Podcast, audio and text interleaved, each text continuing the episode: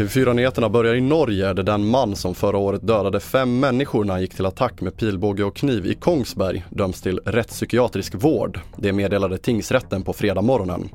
Mannen står åtalad för mord på fem personer, 11 mordförsök och 13 fall av grovt hot och han har tidigare förklarat sig skyldig på alla åtalspunkter. Och vi fortsätter i Göteborg där en polis skjutit en hund till döds. Detta efter att hunden attackerat och bitit polisen.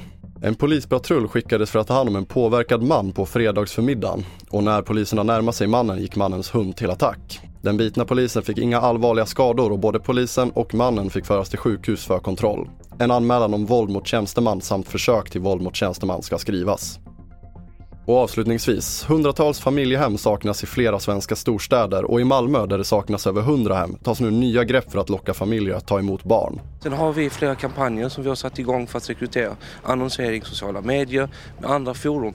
Men vi försöker också ta ett nytt grepp genom att kontakta flera olika föreningar, församlingar och andra för att eh, komma ut och informera vad det innebär Och vara familjehem också. För vi behöver ett, en variation av olika familjer, nya eh, familjer som har kommit hit, integrerat sig, har annan bakgrund också och då behöver vi ibland eh, kanske placera barn i, eh, för att de har ju rätten att eh, bibehålla sin kulturella och religiösa identitet. Sa Sedat Arif, ordförande Arbetsmarknads och socialnämnden.